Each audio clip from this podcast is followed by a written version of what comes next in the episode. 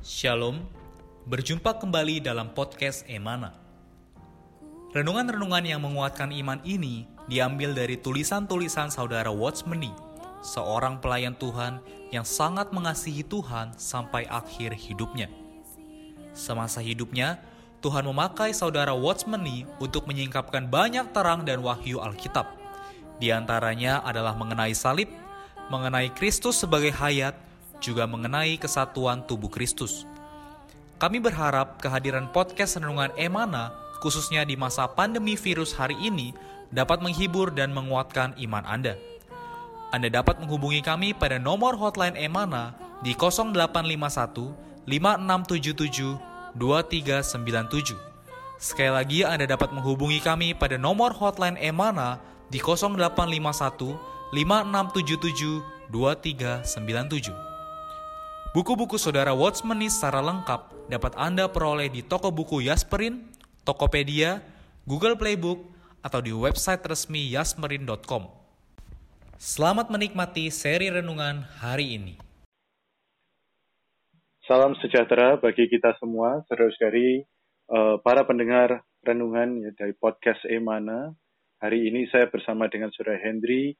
Kami berdua akan uh, membagikan ya kenikmatan kami atas apa yang menjadi beban, atas apa yang menjadi kerinduan dari setiap yang melayani di Emana bahwa hari ini kita harus berjaga-jaga dan waspada. Saudara Henry, uh, sudah lewat beberapa minggu kita melayani bersama. Sudah berjaga-jaga dan waspada juga, saudara. Amin. Puji Amen. Tuhan, saudara Mas. Ya. Amin. Amin. Ya, kita berharap melalui uh, minggu demi minggu tidak terasa ini sudah masuk ke minggu ke-12 ya kita bersama-sama kiranya saudari juga makin berjaga-jaga, makin waspada. Khususnya di uh, minggu ini kita kemarin sudah cukup banyak membahas bagaimana perlu mengenal kitab suci, perlu mengenal kuasa Allah, kemudian perlu waspada terhadap apa itu tanda ajaib dan mujizat. Hari ini kita masuk ke dalam satu pemberitaan yang juga uh, sering kali di ditanyakan oleh orang Kristen yaitu mengenai penglihatan dan mimpi. Saya coba bacakan ayatnya terlebih dahulu, nanti saya minta Sue Henry bisa banyak uh, berbagi ya di dalam persekutuan ini. Amen. Ayat diambil dari 1 Yohanes 2 ayat 27, sebab di dalam diri kamu tetap ada pengurapan yang telah kamu terima daripadanya. Karena itu, tidak perlu kamu diajar oleh orang lain, tetapi sebagaimana pengurapannya mengajar kamu tentang segala sesuatu, dan pengajarannya itu benar, tidak dusta. Dan sebagaimana ia dahulu telah mengajar kamu, demikianlah hendaknya kamu tetap di dalam dia. Amin. Ya, ayat ini bicara apa sebenarnya, Saudara Henry? Amin, saudara-saudari. Nah, kita perlu melihat bahwa penulis kitab Yohanes adalah Yohanes sendiri. Amin. Ia adalah anak Sebedeus. Dan kalau kita membaca seluruh kitab satu Yohanes ini, kita dapat nampak bahwa saat Yohanes menulis kitab ini, banyak penyesatan dan ajaran-ajaran bida itu masuk ke dalam gereja. Bahkan di tengah-tengah kaum beriman ada penyusup, yaitu kaum beriman palsu yang dipakai oleh iblis untuk menyimpangkan kaum beriman sejati dalam dalam Kristus. Amin. Saudara-saudari, karena itu di sini Yohanes menyebut mereka sebagai antikristus. Karena situasi yang demikian, Rasul Yohanes memberitahu kaum beriman khususnya di pasal 2 ini agar mereka tinggal dalam Allah Tritunggal melalui hidup menurut pengajaran urapan ilahi. Amin. Terus dari pengajaran urapan, urapan ilahi di sini bukanlah mimpi-mimpi ataupun penglihatan-penglihatan. Pengajaran urapan ilahi ini juga bukan dihasilkan dari jiwa manusia. Urapan adalah gerakan dan pekerjaan Roh Kudus yang berhuni di dalam kita. Amin. Oh, Roh Kudus dari Allah masuk ke dalam kita pada saat kita dilahirkan kembali dan tetap berada di dalam kita selama-lamanya. Ya. Yeah. Nah, saudara-saudari berdasarkan roh ini, kaum beriman dapat mengenal Bapa dan mengenal kebenaran. Amin. Karena Roh Kudus berhuni di dalam kaum beriman, maka tidak perlu seorang pun yang mengajar mereka. Dengan pengurapan Roh Kudus itu, kaum beriman mengetahui dan menikmati Allah Tritunggal Ya. sebagai hayat dan suplai hayat mereka. Amin. Terus dari pengurapan di dalam kita oleh Roh Kudus adalah benar, suatu realitas, bukan suatu dusta. Karena itu hal ini dapat kita buktikan di dalam pengalaman kita dan dalam kehidupan Kristiani kita. Nah, dari sebaliknya kalau hal itu bukan berasal dari Roh Kudus, maka pengajaran itu tidak benar dan adalah suatu dusta yang berasal dari iblis. Amin. Ya, jadi kalau melihat dari apa yang saudara sampaikan, memang ini ada dua dua ini ya, dua dua hal. ya. Yang satu adalah bersandar pada penglihatan dan mimpi, ya. Yang satu adalah bersandar pada tadi ya, pengajaran pengurapan yang berasal dari Roh Kudus. Banyak Iya. orang soalnya cukup eh, bertanya-tanya, jangan-jangan mimpi ini juga berasal dari Roh Kudus. Penglihatan ini berasal dari Roh Kudus. Nah, hari ini kita akan melihat bagaimana eh, apa sebenarnya yang Tuhan tunjukkan. Bukan berarti penglihatan tidak ada, bukan berarti mimpi tidak ada, begitu ya. Tetapi nanti hidup kita sebagai orang Kristen lebih baiknya bagaimana. Dikatakan dalam perjanjian lama, kita memang nampak ada kalanya Allah melalui penglihatan atau mimpi mengajar umatnya. Tetapi teladan itu tidak banyak. Dalam perjanjian baru, khususnya setelah pencurahan roh kudus, meskipun masih ada kejadian itu, namun setiap kali pasti memiliki alasan-alasan yang istimewa. Sebab di dalam perjanjian baru, roh kudus sudah berdiam di dalam anak-anak Allah. Wah, ini penting sekali. Dan Allah mengajar kita dalam segala perkara melalui pengurapan di dalam. Jadi, Allah menyuruh kita selain menuruti Alkitab, juga menuruti perasaan hayat yang ada di dalam, yakni perasaan dari roh itu, agar kita dapat mengetahui kehendaknya. Seringkali di dalam perjanjian baru, penglihatan diberikan adalah supaya ya, menjadi sarana bagi Injil untuk dapat tersebar. Contohnya pada Petrus di kitab kisah para rasul, baik pasal 10 ya, dan Paulus dalam kisah para rasul pasal 16. Mimpi dan penglihatan memang memiliki kedudukan tersendiri di dalam Alkitab, namun ini tidak dapat dijadikan sebagai satu-satunya pimpinan. Meskipun kita telah mendapat penglihatan atau mimpi, itu pun harus sesuai dengan firman Allah, sesuai dengan pengajaran pengurapan di dalam kita, dan sesuai dengan pengaturan keadaan di sekitar kita. Amin. Amen. Ya, saudara-saudari, di dalam perjanjian lama Allah sering berbicara kepada umatnya melalui mimpi-mimpi dan penglihatan-penglihatan dengan tujuan untuk mewahyukan kehendaknya kepada umatnya. Di dalam catatan perjanjian baru, perkara ini masih sering terjadi, tetapi tidak sebanyak di dalam perjanjian lama. Seperti dikatakan tadi bahwa dalam perjanjian baru, mimpi dan penglihatan tidak dapat dijadikan sebagai satu-satunya pimpinan.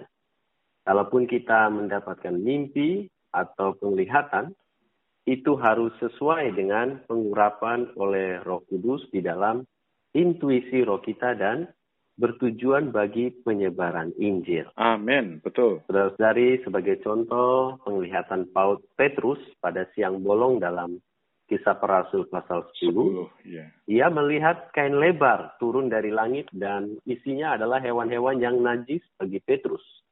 Hal itu terjadi sampai tiga kali. Setelah penglihatan itu, Roh Kudus di dalam roh Petrus memberikan pengurapan kepada Petrus, menyuruh ia bertemu dengan utusan Cornelius, di mana Cornelius mengutus utusannya untuk memanggil Petrus berdasarkan mimpinya. Tentu mimpi Cornelius ini berasal dari Allah, Ya. karena Cornelius juga adalah seorang yang saleh.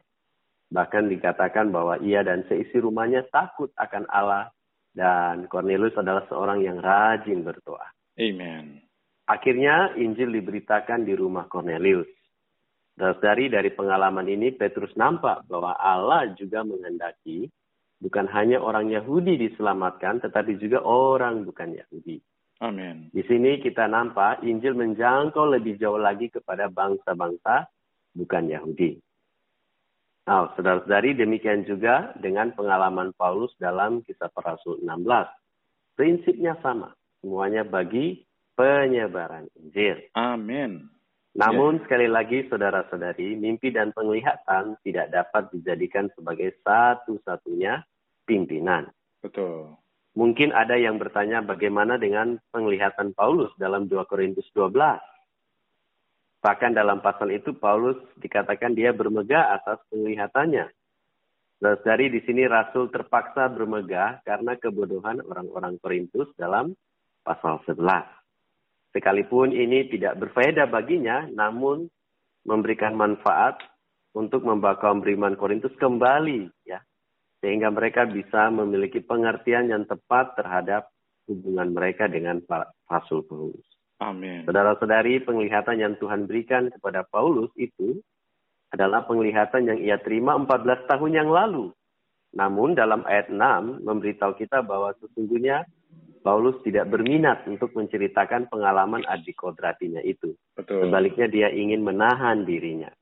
Bahkan setelah penglihatan itu, saudara-saudari, agar Paulus jangan meninggikan dirinya, sombong atas penglihatan-penglihatan yang luar biasa itu, Tuhan memberikan kepadanya satu duri di dalam dagingnya, yaitu seorang utusan iblis untuk menghantam Paulus, agar Paulus tidak menjadi sombong.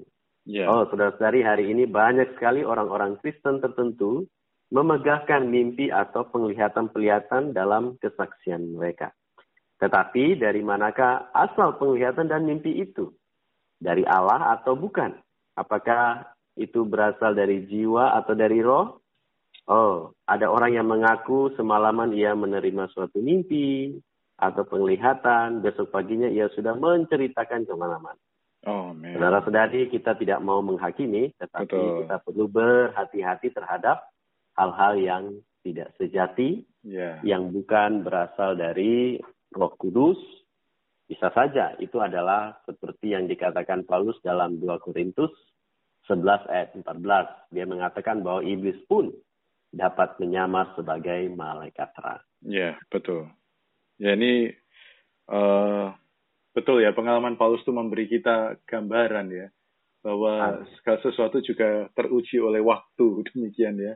Segala sesuatu yang terlalu cepat diberitakan juga, ya ada kalanya memang kita perlu cepat memberitakan ya, tetapi Amen. berkaitan dengan mimpi dan penglihatan ini, memang harus diuji dengan situasi, dengan firman Tuhan tentunya, Benar. dengan lingkungan, juga dengan uh, waktu ya. Jadi uh, saudari dikatakan jangan sekali-kali menganggap semua penglihatan dan mimpi itu pasti baik.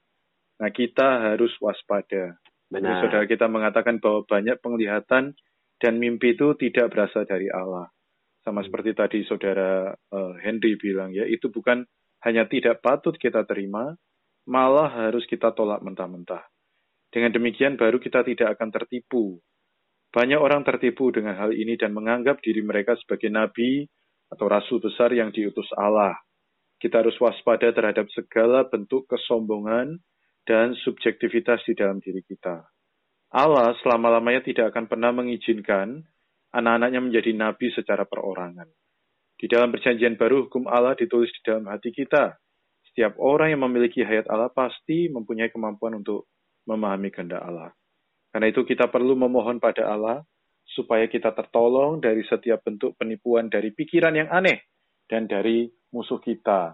Jadi Amin. memang ini bisa juga timbul dari pikiran-pikiran yang aneh ya saudara ya mimpi itu Benar. seperti satu obsesi ya. Ada saya pernah dengar ya seorang saudara tertarik pada lawan jenis, terobsesi kemudian terbawa mimpi dan ada cahaya putih itu bisa dia mengatakan wah ini dari Tuhan berarti akhirnya malah terjadi masalah. Mungkin saudara Henry bisa lebih banyak kasih uh, kenikmatan di dalam porsi ini. Iya. Ya, saudara-saudari, sekali lagi kita perlu mengingat bahwa segala sesuatu yang berasal dari roh, jiwa pun juga dapat mem bisa memalsukannya. Oh. Saudara-saudari, jika kita tidak menguji sumber perkara-perkara tersebut, kita akan mudah tertipu. Iya. Yang paling penting di sini, saudara-saudari, adalah bukan ada tidaknya perkara-perkara itu, melainkan sumber perkara-perkara itu, apakah dari jiwa atau dari roh, atau dari Allah atau bukan. Oh, haleluya. Saudara-saudari, hari ini Amin. kita memiliki roh kudus di dalam roh kita dan Alkitab di luar kita. Saudara-saudari, inilah dua harta terbesar yang Allah berikan kepada kita untuk mengenal kehendaknya. Asalkan kita memustikakan dua hal ini, saudara-saudari, kita tidak akan mudah tertipu oleh Satan. Benar dikatakan tadi saudara Moses ya, banyak Ya. pengalaman itu berasal dari jiwa mungkin sepanjang hari, sepanjang siang itu dia memikirkan sesuatu.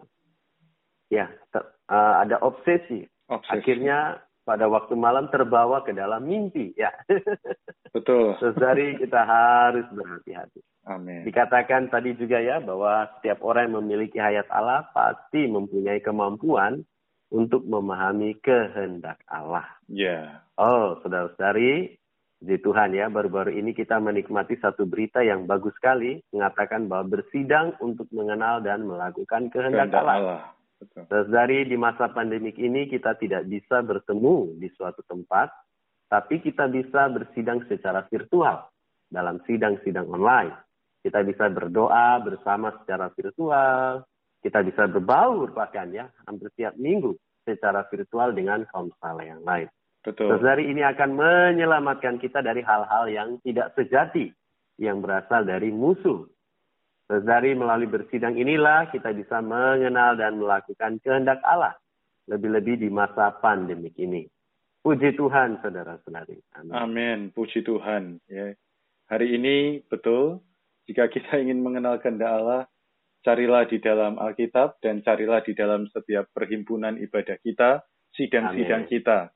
Apalagi di tengah masa-masa ini ada banyak ya, dari Yasperin kita menyelenggarakan Bible Study, kemudian ada begitu banyak eh, saudara-saudara yang juga terbuka untuk melayani baik seminar maupun Bible Study di seluruh Indonesia. Kiranya saudari bisa mengambil ini sebagai kesempatan, ya. Tidak ada yang salah dengan bermimpi, karena mimpi juga ada eh, segi positifnya ya berkaitan dengan Benar. visi. Tetapi saudari semua ini adalah untuk Injil tersebar dan semua Amen. ini juga perlu diuji oleh kebenaran firman Tuhan. Baik, untuk menutup podcast kita hari ini, mari kita berdoa, Saudara Hendri bisa berdoa bagi kita semua. Amin. Mari saudara-saudari kita masuk bersatu dalam doa. Oh Tuhan Yesus, Amin. terima kasih ya Tuhan atas persekutuan malam ini. Amin. Oh Tuhan Yesus, berikanlah kami roh hikmat dan wahyu, firman Ya. kebenaran-Mu, agar kami tidak tertipu, Tuhan, oleh hal-hal yang tidak sejati, Amin. yang berasal dari musuh Allah. Betul. Tuhan, terima kasih atas roh di dalam roh kami. Amin. Oh, terima kasih atas firman-Mu, Alkitab yang ada di luar kami. Amin. Tuhan terima kasih juga atas setiap perhimpunan-perhimpunan, baik itu secara virtual, Ya. menjaga kami dari setiap tipu muslihat musuh, Ya. lebih di masa pandemik ini, kami boleh bisa mengenal dan melakukan kehendak Allah. Amin. Tuhan, terima kasih Tuhan, kami tidak mau yang lain, kami hanya mau datang pada firman-Mu, melatih roh kami untuk menikmati mengenal setiap kehendak Allah. Amin. Terima kasih Tuhan, di dalam nama Tuhan Yesus kami telah berdoa. Amin. Puji Tuhan. Terima kasih saudara. Terima kasih Saudara Moses, puji Tuhan. Sekian podcast Renungan Emana hari ini. Kami akan kembali pada seri berikutnya. Anugerah dari Tuhan Yesus Kristus dan kasih Allah dan persekutuan Roh Kudus menyertai kita semua.